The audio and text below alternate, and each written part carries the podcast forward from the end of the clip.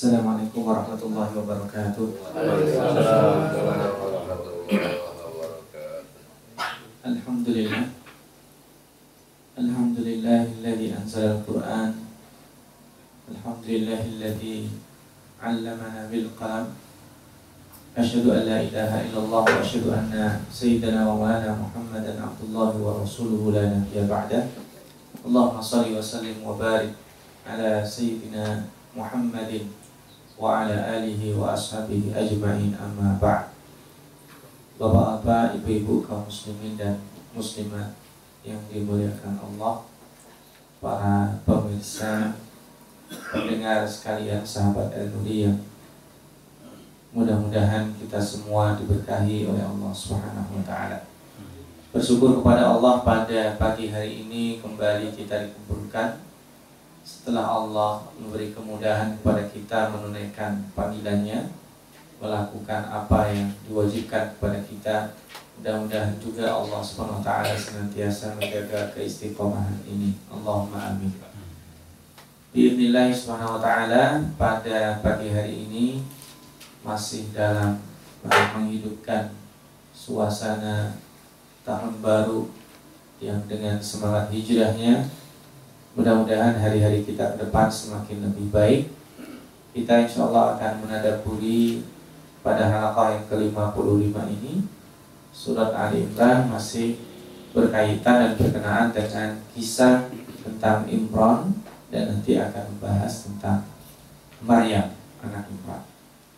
Bismillah kita akan tadaburi ayat ke-38 dan nanti sampai 45 insyaallah. A'udzu billahi minasyaitonir rajim. Bismillahirrahmanirrahim. هنالك دعا زكريا ربه قال رب هب لي من لدنك ذرية طيبة إنك سميع الدعاء Mereview apa yang kita tadaburi pada pertemuan sebelumnya bahwa ketika Maryam yang sebelumnya dinadarkan oleh ibunya akan dijadikan orang sebagai khadim Masjidil Aqsa atau Baitul Maqdis tetapi yang terakhir ternyata perempuan.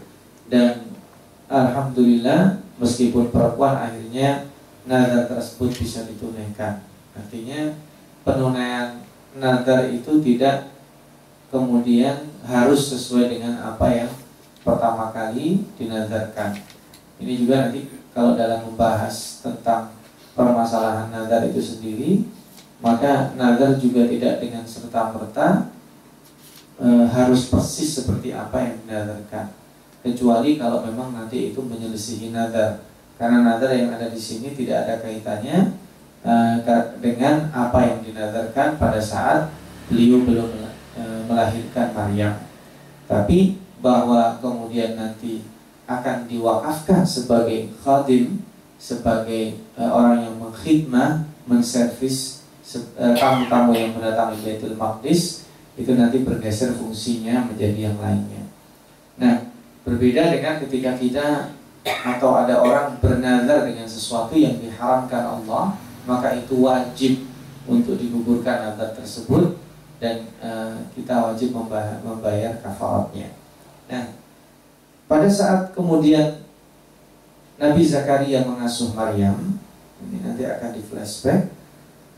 Kemudian beliau berdoa, "Hunalika da'a Zakaria Rabbah. Ini dalam bahasa yang dipilih Al-Quran Hunalika menandakan bahwa dengan tidak serta-merta Nabi Zakaria berdoa di tempat itu ketika berada dalam uh, tempat mihrabnya Maryam. Tetapi di sini ada yang menarik adalah analisa para pakar bahasa bahwa kejadian Maryam itu luar biasa. Ketika kejadian luar biasa ini maka sangat inspired. Jadi menginspirasi Nabi Zakaria untuk berdoa. Kenapa? Maryam yang mendapatkan makanan di luar kebiasaan atau dapat buah di luar musimnya, berarti ada zat yang maha kuasa. Saya yang sudah tua dan istri saya Zakaria yang belum mempunyai anak hingga detik ini, maka kalau saya berdoa ada kemungkinan bisa terjadi. Nah, ini yang pertama tafsiran hunalika itu. Yang kedua bahwa Maryam itu kan tadinya dalam tanda kutip direncanakan kalau laki-laki akan menjadi khadim Baitul Maqdis. Tetapi meskipun perempuan, rencana tersebut bisa ditunaikan. Nah, jadi ini menandakan bahwa segala sesuatu itu serba mungkin. Maka itulah ada beberapa tafsiran Al-Fakir ambil dua saja bahwa kondisi saya saat ini yang kelihatannya tidak mungkin punya anak itu bisa berubah menjadi mungkin. Dan dari situlah kemudian Nabi Zakaria bertombol berdoa kepada Allah Subhanahu wa taala. Doanya adalah Rabbi habli min ladunka dzurriyyatan thayyibah. Ini doa yang sangat luar biasa ya. Rabbi habli. Bahasanya enggak bahasa nodong ya. Allahumma atini berikanlah aku. Tapi habli hadiah. Makanya hibah itu disebut dengan eh, hibah itu tanpa pamrih, memberi tanpa pamrih, memberi tanpa sebab itu hibah. Kalau hadiah itu bisanya ada kaitannya dengan senang, ada kaitannya dengan uh, sebuah momentum. Tapi kalau hibah, ya, sebagaimana yang kita tahu, hibah itu pemberian tanpa sebab. Ini saya hibahkan, itu saya hadiahkan tanpa sebab. Maka engkau tanpa membuat sebab sesuatu yang kelihatannya mustahil itu bisa. Habili milatuka. Ladun itu sangat dekat dari sisimu dzurriyyatan thayyibah. Ini keturunan yang bersih, keturunan yang bukan hanya sekedar suci, keturunan yang berkah. Dalam masalah rizki saja kita sudah pernah membahas ya, halalan thayyibah. Jadi tidak semua yang halal itu thayyib, tapi yang halalan thayyibah itu adalah yang terbaik di antara yang baik. Innaka sami'u du'a, kau ya Rabb maha mendengar uh, permintaan hamba-hambanya. Nah, dan di sini langsung fa. Fa'ut itu menandakan cepatnya dikabulkan doa ini. Hul malaikah dan kemudian malaikat menyampaikan pesan Allah. Wa huwa qa'imun yusalli fil mihrab. Ketika beliau sedang sholat di mihrabnya apa isi konten yang disampaikan malaikat? Yaitu kabar gembira. Annallaha yubashshiruka sesungguhnya Allah memberi kabar gembira kepadamu mengabulkan doamu dengan apa dengan anak yang langsung diberikan nama oleh Allah Subhanahu wa taala. Yahya Nah, ini ada beberapa sifatnya di sini empat ya. Yang pertama musaddiqan bi kalimatin minallah sebagai pembenar. Karena nanti uh, Nabi Yahya ini dengan uh, Maryam yang nanti kemudian memiliki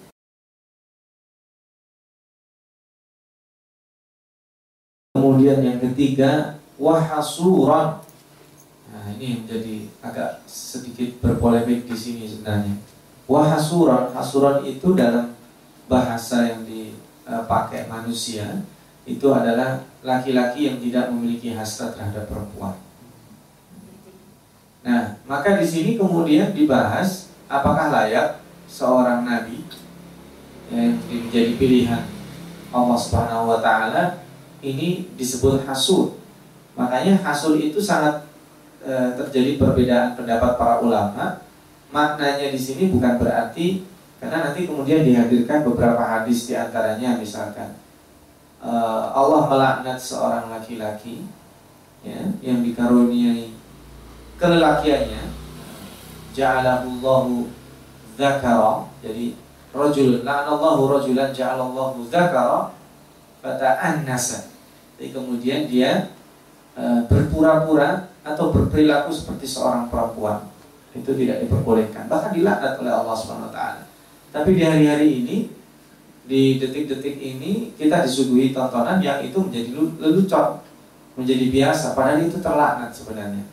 Ada laki-laki dia tabiatnya sebagai laki-laki kemudian berperilaku bergaya ber, baik gaya bicaranya pakaiannya menyerupai perempuan apalagi dengan tujuan untuk di e, tertawakan itu dilaknat oleh Allah swt juga sebaliknya nah maka apakah ini yang dimaksud situ atau tidak dalam bahasa uh, hadis itu dilaknat kalau melakukan, tapi hasuran bukan itu.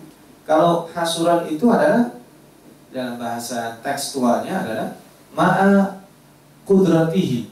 Jadi ada ada yang menafsirkan begini. Sebenarnya Nabi Yahya itu punya ketertarikan terhadap perempuan, tetapi dia gimana? E, tidak berhasrat. Jadi punya ada kudroh, bukan berarti tidak tidak, mampu e, berhubungan suami istri kalau bahasa bahasa vulgarnya, tetapi beliau maka kemudian ada yang menafsirkan dengan tabatul. Nah, tabatul itu dalam dunia nyatanya tidak boleh disebut rubania. Itu juga kekurangan lain kalau yang pertama dari awalnya seorang laki-laki tidak tertarik perempuan itu cacat. Nah ini kalau seorang nabi bagaimana? Nah, ini ada ada hilang. Ada yang kedua, oh enggak sebenarnya Nabi Yahya itu tertarik, cuma dia tahan. Nah, tahan kemudian itu berarti sama. Ini menguatkan apa yang dilakukan oleh orang Nasrani setelah itu, ya kan? Mereka melarang menikah bagi dirinya sendiri. Itu disebut dengan ruhbaniyah dan itu tidak boleh dalam agama kita karena fitrahnya seorang harus menikah. Maka di sini digabungkan antara keduanya. Memang beliau ini e, kalau dalam bahasa Imam Nawawi ketika ditanya, "Wahai Imam, kenapa Anda tidak menikah?" Beliau jawabannya kan ringan sekali. Nasi itu saya lupa. Nah, apakah itu aib nah, seorang Imam Nawawi itu tidak menikah? Gara-gara lupa. Nggak masuk akal juga kan? Apakah benar? Nah, Imam Nawawi itu lupa. Nah, mungkin karena saking sibuknya beliau mencari ilmu dan mengajarkan ilmu nah, maka nikah itu tidak menjadi prioritas dalam hidupnya. Bukan karena beliau meninggalkan sunnah Rasul. Nah, itu lebih dekat kita tafsirkan seperti itu. Jadi bukan bukan karena penyakit. Memang tidak punya hasrat secara uh, biologis kepada perempuan. Atau kedua karena memang dia tahan-tahan atau disebut dengan tabatul itu juga tidak. Maka hasuran itu intinya tidak ada sedikit pun keinginan untuk menikah ya mungkin karena kesibukan dakwahnya dan karena di sini beliau nanti juga menghadapi masalah yang cukup pelik dan Nabi Yahya ini uh, termasuk nabi yang diangkat masih dalam usia yang sangat uh, muda sekali ada yang bilang anak-anak tapi yang dirojikan tidak mungkin seorang anak-anak ditaklif oleh Allah SWT. Jadi dia sudah minimalnya sudah e, menjelang balik atau balik dan setelah itu juga meninggal dalam usia yang tidak terlalu tua, masih sangat muda sekali bersama orang tuanya. Nah, yang terakhir sifatnya adalah wanabiyyan minas solihin. Jadi sama dengan Nabi Musa. Beliau sudah diberikan tanda-tanda ketika kecil akan diangkat sebagai nabi. Demikian juga Yahya diberikan kabar kepada Zakaria, kelak ini akan menjadi nabi. Kaget dia. Nabi Zakaria kaget. Qala, Rabbi anna yakunu li hulamun. Ya Rabb, bagaimana mungkin aku punya anak? Ya kan itu kadang orang begini. Dalam posisi sulit, dia berdoa kepada Allah. Yakin doanya dikabulkan. Begitu dikabulkan, kaget dia itu kan wajar ya. Dalam posisi sulit kita berdoa kok ada juga jalan keluarnya. Nah ini kan ketika dikabulkan bingung dia. Dan kenapa bingung? Karena ada dua hal. Yang pertama waqad balaghani waqad balaghani yang kibar saya orang sudah tua. Padahal nanti dibuktikan seorang laki-laki sampai tua pun sebenarnya tidak ada istilah terhalang memiliki anak karena meskipun tua belum tentu tidak punya anak. Nah, oke okay, itu yang pertama kaget dari sisi itu. Meskipun nanti secara medis tidak secara otomatis orang laki-laki yang tua tidak punya anak. Yang berikutnya merahati akhir. Kadang dalam bahasa tertentu disebut akim. Tapi akim itu lebih merupakan uh, judge ya bahwa dia mandul. Kalau akhir itu al ada yang menyamakan, ada yang membedakan. Akhir itu yang belum pernah punya anak, belum pernah punya anak jadi belum tentu karena mandul nah, belum pernah punya anak kan ada kemungkinan bisa jadi ini ada yang membedakan itu tapi secara umum menyamakan antara akhir dan akhir sedangkan istriku adalah orang yang mandul nah, kita bisa ambil salah satu pendapatnya Dijawab langsung oleh Allah melalui malaikatnya. Yaf'alu ma yasha. Itu adalah kehendak Allah yang berbuat sesuai dengan kehendaknya. Lalu Nabi Zakaria juga permintaan berikutnya, Qala rabbi ja'alli ayat. Lalu bagaimana supaya aku tahu nanti aku bakal punya anak? Nah, ini yang kedua berikutnya. Kan orang juga belum pernah punya anak ya. Jangankan yang masih muda, yang sudah tua belum pernah punya anak pasti ada nervous, ada kegugupan. Dia perlu nanti tanda-tandanya saya punya anak gimana ya Rob? Ini yang ditanya kok. Yang anehnya nanti tanda-tandanya itu bukan di istrinya, tetapi di dia. Nah, ya makanya nanti ada istilah orang yang hamil siapa, yang idam siapa. Orang yang hamil siapa, yang gue-gue siapa. Nah, maka itu juga secara medis memungkinkan. Nah, ini juga sama kalau Rabbi ja'alli ayah tanda-tandanya bagiku apa nanti tanda-tandanya? Karena dia mintanya ingin tanda-tandanya dia, Allah kabulkan. Yang tanda-tandanya justru bukan di istrinya, tapi di dia. Apa tanda-tandanya?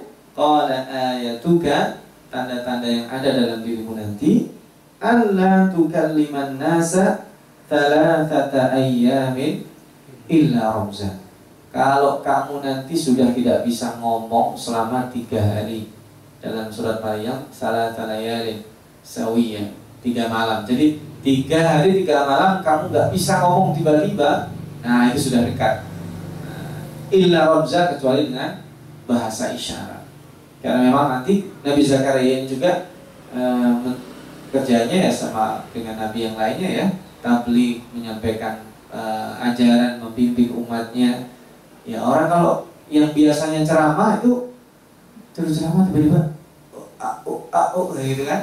Itu kayak gitu tiga hari berturut-turut gak normal. Nah itu sudah dekat tanda-tanda kelahiran anakmu. Nah kalau cuma sekali kan mungkin bisa jadi karena gugup ya. Ya tiba-tiba lancar kan misalkan dalam halako ini ya tiba-tiba saya nggak ngomong satu hari bisa jadi kan karena sakit tenggorokan karena tiba-tiba ada tamu yang luar biasa grogi. Nah itu bisa sekali. Tapi ini tiga hari tiga malam berturut-turut engkau tidak akan bisa berbicara. Itu maka akan menjadi tanda-tanda akan lahirnya uh, Yahya. Nah ini yang menjadi permasalahan di dibicarakan para pakar.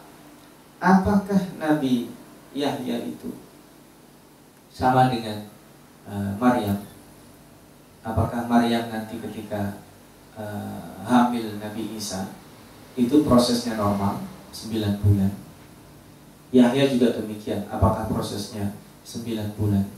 Harusnya kan Nabi Zakaria tidak perlu ngomong seperti ini orang dia sudah tahu orang hamil nggak perlu tanya tanda-tandanya gimana? Ya normal lah tanda-tanda orang hamil, ya kan? Maka di sini dikuatkan pendapat uh, meskipun uh, Al-Fakir masih belum bisa menerima juga karena ini orang yang sudah lama tidak punya anak uh, sudah menikah bukan hanya bertahun-tahun, berpuluh-puluh tahun ini sudah jadi kakek-kakek. Ya wajar dia meminta tanda-tanda meyakinkan bahwa betul akan punya anak itu wajar.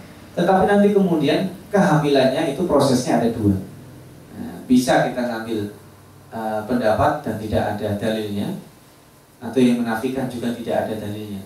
Jadi kehamilan uh, Maryam kepada uh, janin Nabi Isa atau kehamilan istri Zakaria terhadap Yahya apakah itu terjadi normal seperti manusia yang lainnya itu tidak ada tanda-tanda atau dalil-dalil yang menguatkan. Atau sebaliknya apakah begitu sudah tiga hari tiga malam nggak ngomong tiba-tiba sudah besar perutnya uh, istri Zakaria dan kemudian tinggal bersalin beberapa saat?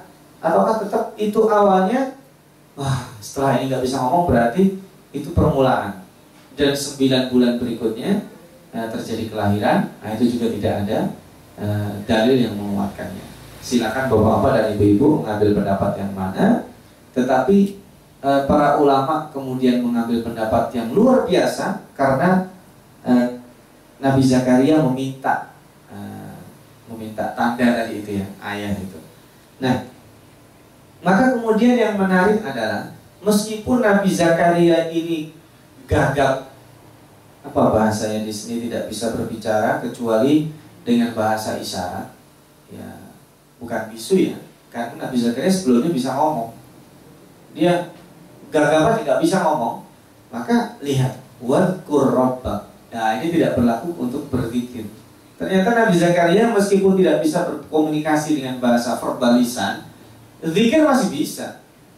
Gitu. Maka disuruh oleh Allah wadkur rabbak kathira bil wasabbih bil asyi wal ikar. Ini juga sekaligus buat kita bahwa dalam kondisi sulit kemudian Allah berikan nikmat yang luar biasa itu kadang kita juga nggak bisa ngomong terjadi kan ada orang luar biasa bahagianya itu nggak terucap sama sekali dari mulutnya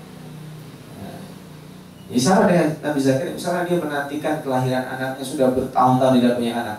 Itu begitu anaknya lahir itu coba lihat. Diwawancarai misalnya, enggak keluar. Jadi nanti dibuktikan eh, secara psikis itu kebahagiaan yang sangat luar biasa. Jadi ini bukan hanya serta merta message yang diberikan Allah tidak bisa ngomong tiga hari, uh, tetapi ini bahwa kebahagiaan yang luar biasa itu kalau seseorang itu berzikir, maka dia akan bisa. Makanya itu yang diberitakan Allah, ditaklifkan. Tidak perlu kamu bercerita kepada orang ngobrol ini, masya Allah saya sudah sekian lama nggak punya anak, tiba-tiba anak ini tanda-tanda kekuasaan Allah.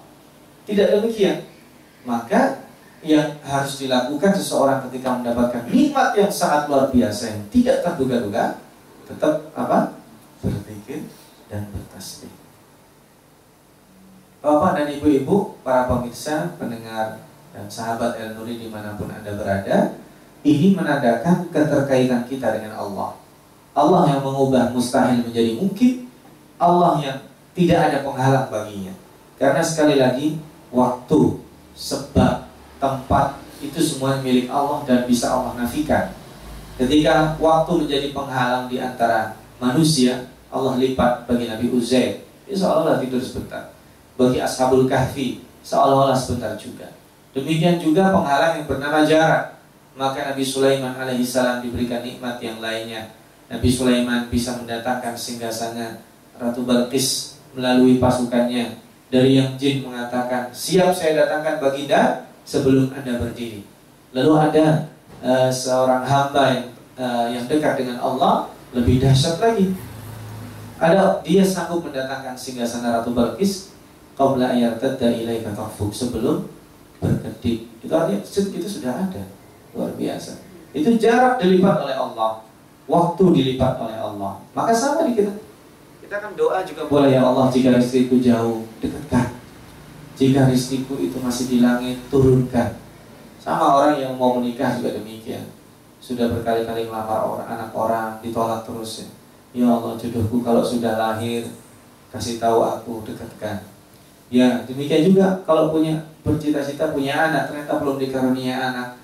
Doanya juga penuh pengharapan karena seseorang yang berdoa dia wajib meyakini bahwa Allah itu sanggup mengabulkan doanya.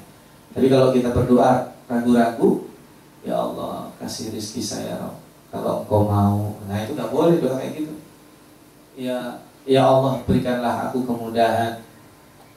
Kalau engkau mau juga, nggak bisa. Kita harus yakin bahwa Allah itu sanggup memberikan kemudahan. Maka di sini takbirnya luar biasa. Hunalika. Hunalika itu bukan hunaka berarti tempat, waktu juga. Nabi Zakaria berpikir, Masya Allah, setiap aku masuk, sering aku masuk ke ke mihrab, Maryam, wah gak musim durian, ada durian, dari mana? Kamu habis pergi dari total ya? Gak ada, belum ada waktu itu. Ya kan kalau kalau kita mendapatkan buah tidak di musimnya di toko buah kan, ya, toko buah yang semakin prestis pasti pasti ada gitu. Tetapi ini Allah Subhanahu Wa Taala memberikan juga hisab yang memberikan tanpa perhitungan itu pasti sanggup. Nah ketika dia berdoa yakin maka kemudian dikabulkan di mulutnya tidak bisa berkata apa-apa maka pada saat itu berpikirlah Zikir itu sesuatu yang bisa dilakukan dalam keadaan apa pun. Sedih, zikir kepada Allah. Bahagia, zikir kepada Allah. Dalam keadaan kita terhimpit masalah, berzikir kepada Allah dan bertasbihlah. Bertasbih ini juga zikir yang paling banyak kita baca di dalam sholat. Bapak dan ibu-ibu sekalian yang dimuliakan Allah. Berapa kali kita bertasbih dalam sholat? Rukuk kita bertasbih. Sujud dua kali satu rakaat kita bertasbih. Itu artinya sepanjang hari kita bertasbih bahkan itu otomatis kita sudah tidak tahu tidak pernah menghitung berapa banyak kita bertasbih di, hari itu. Padahal itu adalah tuntunan supaya kita dekat dengan Allah SWT. Maka disebut dengan bin asyiyi wal ibkar. Asyiyi wal ibkar itu uh, takbir yang diberikan oleh Allah Subhanahu wa taala asyi dari isya ya bukan berarti waktu isya itu adalah waktu menjelang tenggelamnya matahari wal ibkar nah ini luar biasa ibkar itu pertanda bahwa mulainya kehidupan dalam bahasa Al-Qur'an itu banyak takbir-takbir yang membawa optimisme. Al-ibkar itu habis seperti sekarang ini bahwa kita membuka mata. Dalam bahasa uh, seorang perempuan al-bikr itu adalah perawan seorang gadis yang memiliki banyak impian. Dia ingin menikah ingin punya anak. Seorang gadis yang mempunyai impian itu al-bikr al-ibkar itu pagi yang dari gelap menjadi terang wasubhi idza tanafas subuh yang bernafas subuh yang menyingsing fajarnya atau waktu duha dikatakan waktu duha karena itu adalah waktu yang sangat produktif. Nah, maka wal inkar di sini sebaiknya memang kita memulainya dengan zikir kepada Allah Subhanahu taala. Ini sampai di sini e, cerita tentang e, Nabi e, Zakaria. Kemudian paruh kedua ini Allah kembali kepada e, cerita tentang keluarga Imran. Nabi Zakaria masih berkeluarga dengan Imran, tetapi di sini ada sedikit split ya, dipisah menjadi eh, apa ya bukan tokoh utama yang dibicarakan di dalam eh, keluarga Imran. Tokoh utamanya kan di sini adalah istri dan anak Imran ya kalau bicarakan Imran. Tetapi ternyata Maryam itu inspiring. Kisah Maryam itu menginspirasi. Maka kita jadilah hidup kita menginspirasi orang lain. Makanya diperbolehkan seseorang bersedekah dengan terang-terangan. Kenapa tujuannya? Menginspirasi.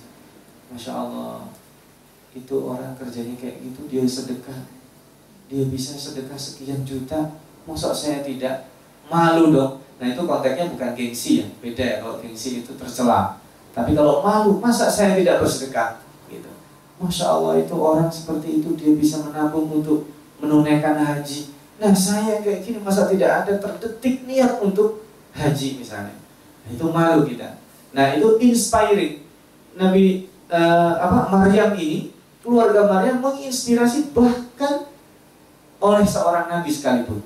Ini menandakan bahwa siapa pun kita bisa menginspirasi bagi orang yang mungkin secara sosial derajatnya lebih tinggi dari kita. Itu message yang diberikan oleh Allah di ayat ini. Wa qalat al malaika wa qalatil malaikatu malaikat ini uh, kisahnya tidak nyambung ya. Ketika Maryam sudah besar, sudah uh, sampai siap akan dipilih oleh Allah, malaikat mengatakan kepada Maryam, Inna Allah astafaki wa tahharaki wa astafaki ala nisa'il alamin. Sesungguhnya Allah Subhanahu wa taala telah memilihmu Maryam wa tahharaki dan menyucikanmu wastafaki dan memilihmu ala nisa'il alamin di antara perempuan yang ada di dunia ini. Ini takbir yang luar biasa. Para pakar bahasa ini ada dua pendapat. Kenapa di sini al istifa itu diulang dua kali? Kenapa Allah tidak mengatakan Allah astafaki wa tahharaki atau misalkan Allah tahharaki wa astafaki ala nisa'il alamin. Ini Al-Fakir mengambil pendapat bahwa al-istifa itu yang pertama, pemilihan berbeda dengan al-istifa yang kedua. Karena di sini konteksnya adalah konteks yang normal dan konteks yang tidak normal. Konteks yang normal adalah bahwa Maryam itu dipilih oleh Allah. Ya kayak Nabi dipilih. Nabi dipilih itu normal atau tidak? Normal. Tetapi ada pilihan yang tidak normal. Apa? Bahwa Maryam itu nanti akan punya anak tanpa seorang laki-laki. Maka istifaknya di sini berbeda. Maka kalau kita menggunakan madhab itu, yang didahulukan adalah yang tidak normal. Inna Allah astafaki sesungguhnya Allah telah memilihmu untuk sesuatu yang tidak normal, yang luar biasa. Watahharoki dan menyucikanmu. Nah, ini dia. Karena ada kata-kata watahharoki di sini kuncinya. Watahharoki dan menyucikanmu dari tuduhan manusia. Menyucikanmu dari dosa. Nah, Maryam tidak punya uh, istilahnya uh, track record yang buruk. Makanya tanpa disucikan Allah sendiri itu sudah suci. Tuduhan yang mengada-ngada dari kaumnya itu tidak pernah terjadi. Yang pertama Maryam istilahnya bahasa kita ini orang orang mainannya masjid kok masa hamil di luar nikah misalnya. Itu saja secara orang kan nggak percaya gitu kan. Orang mainannya kayak gitu kok begini. Nah itu tidak percaya. Itu tanpa digitukan saja sebenarnya kalau orang menggunakan akal sehatnya itu sudah e, menafikan tuduhan-tuduhan itu. Maka Allah menegaskan waqah Allah jamin kesuciannya. Engkau tidak usah bersedih. Karena ini kan e, dalam kondisi disiapkan untuk itu. Yang kedua, istifa yang kedua itu istifa normal. Wastafaki engkau dipilih sebagai perempuan yang luar biasa di antara perempuan-perempuan yang ada di dunia ini. Nah, di sini ada masalah para pakar tafsir apakah al alamin ini kalau ditanya mana yang lebih afdal, mana yang lebih tinggi derajatnya, Maryam atau istri Rasulullah SAW Khadijah. Maryam atau Fatimah, Maryam atau Aisyah. Nah, di situ ada beberapa perbedaan dan kita tidak terlalu penting mendiskusikan itu ya. Karena adalah alamin di sini bisa mutlak seluruh dunia. Memang kalau di ranking berarti ranking satunya Maryam. Atau sebaliknya Maryam itu e, manusia pilihan di zamannya perempuan yang ada di zaman itu tidak ada yang lebih mulia dari Maryam karena luar biasa dalam memegang teguh kesuciannya. Beliau menjaga pergaulan dengan laki-laki dan kemudian luar biasa dituduh berzina dalam keadaan demikian. Itu beliau masih tetap uh, luar biasa ya. Meskipun nanti ada yang menafsirkan ketika kemarin pernah kita bahas ya, wa kuntunas yang manusia itu seolah-olah berarti Maryam sempat putus asa juga. Oh bukan, itu bukan takbir putus asa, tetapi itu hanya sekedar ungkapan betapa berat beban itu. Karena ini juga pernah dialami oleh Aisyah ya. Aisyah pernah dituduh berselingkuh dengan Sofwan bin Mu'attal. Kita bayangkan, istri Nabi, istri orang yang terbaik dan Aisyah itu juga orang yang luar biasa baiknya dituduh berselingkuh. Nah, coba kalau kita uh, kita uh, yang orang biasa berarti ada kemungkinan kita kena cobaan seperti itu. Tapi kita berdoa kepada Allah mudah-mudahan tidak diuji dengan ujian demikian. Ini yang pertama. Jadi kalau dikatakan istifa yang pertama dengan yang kedua itu berbeda, maka e, eh, al istifa itu berarti e, yang pertama luar biasa, yang kedua yang biasa. Atau dua-duanya istifa itu adalah pengulangan, menguatkan. Sesungguhnya Allah benar-benar memilihmu. Memilih untuk apa? Nah, ini untuk futuristik ya. Karena nanti ada tanda yang lebih besar dari itu, yaitu Isa alaihissalam. Nabi Isa nanti kan luar biasa lagi ya. Begitu lahir, Maryam itu kan tidak mau ngomong.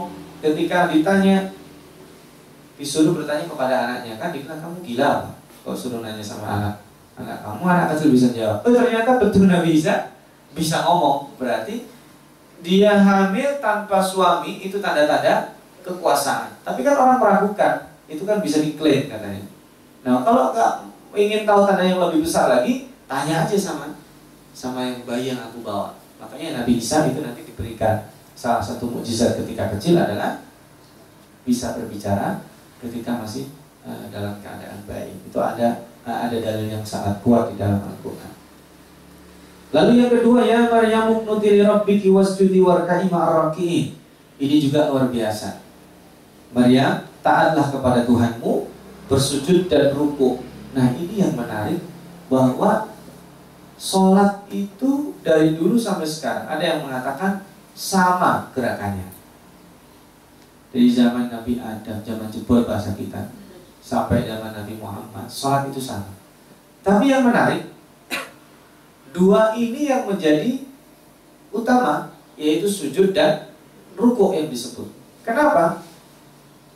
Nah, Al-Fakir tidak mau berbicara terlalu panjang dari dimensi medis. Kemarin baru Al-Fakir diskusikan dengan para dokter bercerita tentang dimensi medis orang itu sujud di dalam otak ada saraf yang terkena darah itu terjadi kalau ditekan pada saat sujud.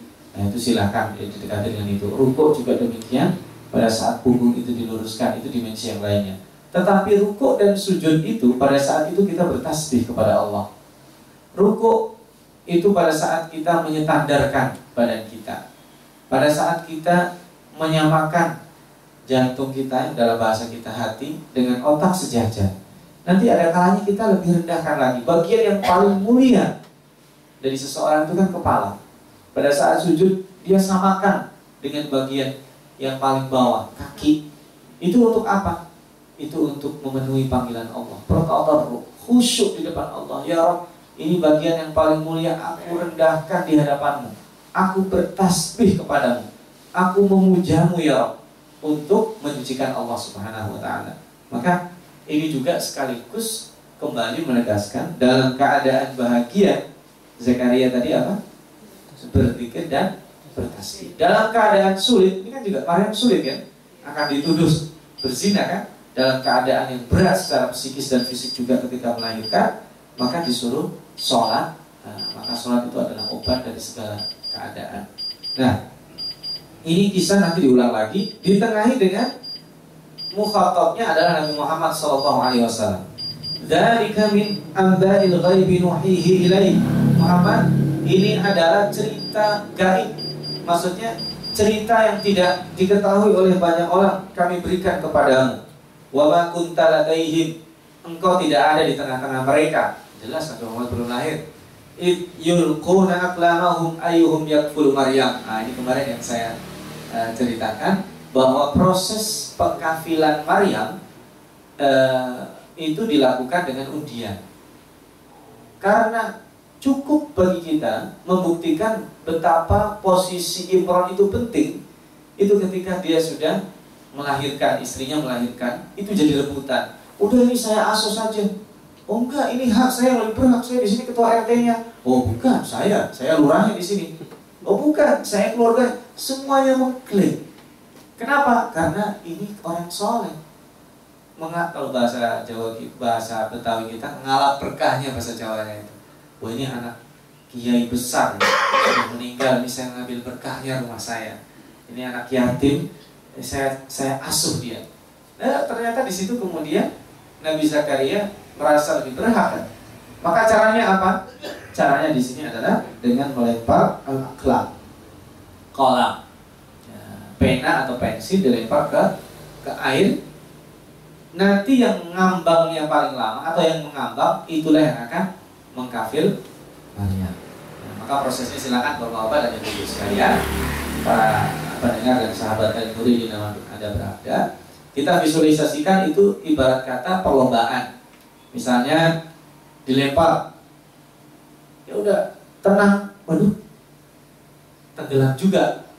Kemudian berikutnya uh, tenggelam juga sampai akhirnya datang tanda tanda-tanda kekuasaan Allah berikutnya bahwa uh, Nabi Zakaria lah sebagai uh, pemenang yang akan mengkafir uh, Maryam. Ya.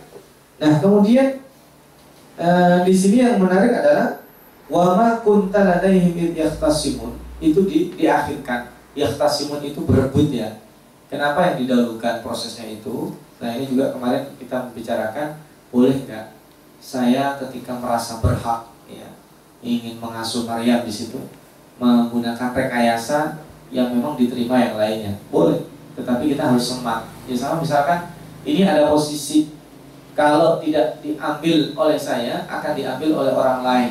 Dengan pendekatan yang jernih tentunya ya. Jadi saya tidak ingin membicarakan secara politis kan kalau secara politis kita kan bisa juga wah ini kalau direbut sama dia nanti jadi magorat maka lebih baik saya yang jadi lurah di sini. Nah, itu nanti kalau sudah hitung-hitungan politis uh, istafti kolbak tanyalah dengan hati nurani kita.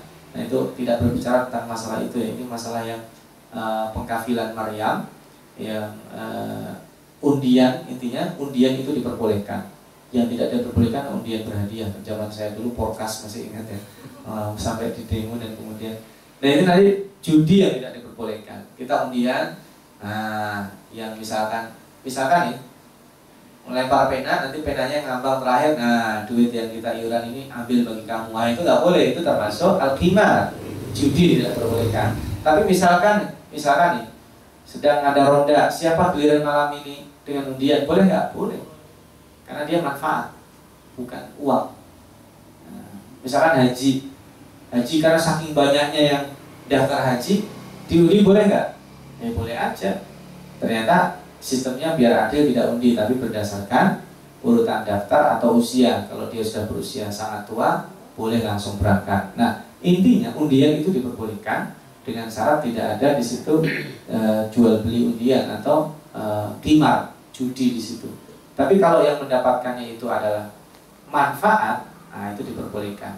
Dan tidak ada tidak ada di situ misalkan undian tetapi saya ikut iuran. Nah itu maka nanti akan jadi kolektif nanti secara fikih kita bisa diskusikan ada yang bertanya juga oh berarti kalau saya iuran untuk perlombaan daftar kemudian dapat hadiah itu termasuk judi juga kan nah, bukan karena iuran berapa hadiahnya berapa? Oh iya hadiahnya kerupuk kan lebih sedikit saya iurannya 100 ribu berarti judi dong saya dapatkan kerupuk. Nah tidak seperti itu karena kalau judi memang diniatkan tidak ada apa-apa kecuali mendapatkan itu nah itu yang disebut dengan dengan judi nah ini ringkasnya demikian nanti bisa kita perdalam setelah kita tutup. Terakhir saya akan menutup dengan ayat yang terakhir. Ilqalatil malaika Ya Maryam innallaha yubashshiruki bikalimatin minhu. Sesungguhnya Allah Subhanahu wa taala memberikan kabar gembira kepadamu dengan kalimat Allah. Nah, kalimat Allah ini artinya uh, kekuasaan Allah. Kalimat Allah itu artinya kun, jadilah. Maka sebab itu yang menjadikan Allah. Apa pun Allah sanggup menjadikan dengan sebab atau tanpa sebab. Siapa yang akan diberikan kabar gembira? Maryam berupa apa? Anak. Ismuhu Al-Masihu Isa bin Maryam. Ini kata-kata Al-Masih itu banyak ya e, dikatakan disebut dengan Al-Masih, tapi Al-Masih itu konotasinya bisa positif bisa negatif. Dajjal juga disebut Al-Masih. Isa juga disebut dengan Al-Masih. Nah, Al-Masih itu uh, ada yang menerjemahkan dinamakan al-masih karena juru selamat dalam agama lain juga menyatakan demikian atau al-masih itu orang yang kalau mengusap uh, dia tadinya celaka tidak celaka atau dia usap tadinya punya penyakit kemudian penyakitnya hilang itu disebut dengan al-masih ya, kalau sekedar ngusap biasa saya usap. Tapi nggak ada ngaruh itu bukan al-masih semua orang bisa ngusap. Diusap nggak ngaruh itu bukan almasi tapi kalau diusah ngaruh itu disebut dengan almasi. Ada yang mengambil demikian. Atau juga almasi itu karena likas lapisia hati karena saking banyak jalannya. Dia bebannya banyak. Kalau almasi dajjal dia jalan untuk menistakan untuk menyesatkan orang tapi sementara Nabi Isa AS dia berjalan ke mana-mana bahkan diteror oleh orang bersembunyi berdakwah susah payah uh, beliau sampaikan kebenaran maka disebut dengan al-masih. Jadi al-masih itu tidak untuk yang positif saja. Al-masih, dajjal juga disebut al-masih, maka yang baik juga al-masih. Itu artinya apa? Orang baik dan buruk dua-duanya berusaha susah dalam keadaan susah. Nah, wajihan fit dunya akan menjadi orang mulia di dunia dan di akhirat. Wa minal muqarrabin termasuk orang-orang yang dekat dengan Allah. Ini bahasanya menarik ya. Minal muqarrabin. Muqarrabin itu apa? Orang yang didekatkan. Sebenarnya kalau kita kan ada pejabat, orang yang dekat-dekat dengan pejabat itu diidentikan dengan apa? Mohon maaf, penjilat kan? Karena pada hakikatnya yang deketin dia bukan pejabatnya. Tapi kalau seandainya para pejabatnya ini tahu dia orang hebat, eh sini kamu kamu de de orang dekat saya. Itu artinya bahwa orang ini kualitasnya diakui oleh pejabat tersebut. Nah, maka bahasa walillahil mathalul a'la minal muqarrabin itu yang menginginkan dekat siapa? Allah. Berarti kualitas Nabi Isa itu luar biasa. Ini bahasa termasuk dengan dalam Al-Quran itu ada mukhlisin, ada mukhlasin. Mukhlasin itu lebih tinggi derajatnya dari mukhlisin. Mukhlisin orang yang ikhlas itu aja sulit. Apalagi mukhlasin itu orang yang bukan diikhlaskan, diikhlaskan itu nanti konotasinya lain. Yang mukhlasin itu emang udah otomatis dia tidak pernah ada apa-apa ngasih ngasih aja. Eh, eh terima kasih ya dulu bapak pernah bantu saya bayar sekolah. Oh dia nggak ingat, nah, itu mukhlasin. Kan kita kadang masih ingat kan, dulu saya bantu ini, diukir-ukir lagi, nah itu lain cerita. Ini mungkin yang bisa Al-Fatih sampaikan. Mudah-mudahan uh, dalam al yang ke-55 ini Allah berikan inspirasi kita sebagaimana Zakaria yang terinspirasi uh, kebaikan demi kebaikan ketika mengasuh Maryam dan mudah-mudahan bukan hanya sekedar menginspirasi tapi membesar menjadi sebuah rekayasa kebaikan sosial sehingga uh, Allah mudahkan kita dalam melakukan kebaikan di mana pun kita berada. Itu yang bisa Alfa disampaikan dan kita bisa menyambungnya di lain kesempatan. Wallahu a'lam bishawab. Kita akhiri uh, wassalamualaikum warahmatullahi wabarakatuh.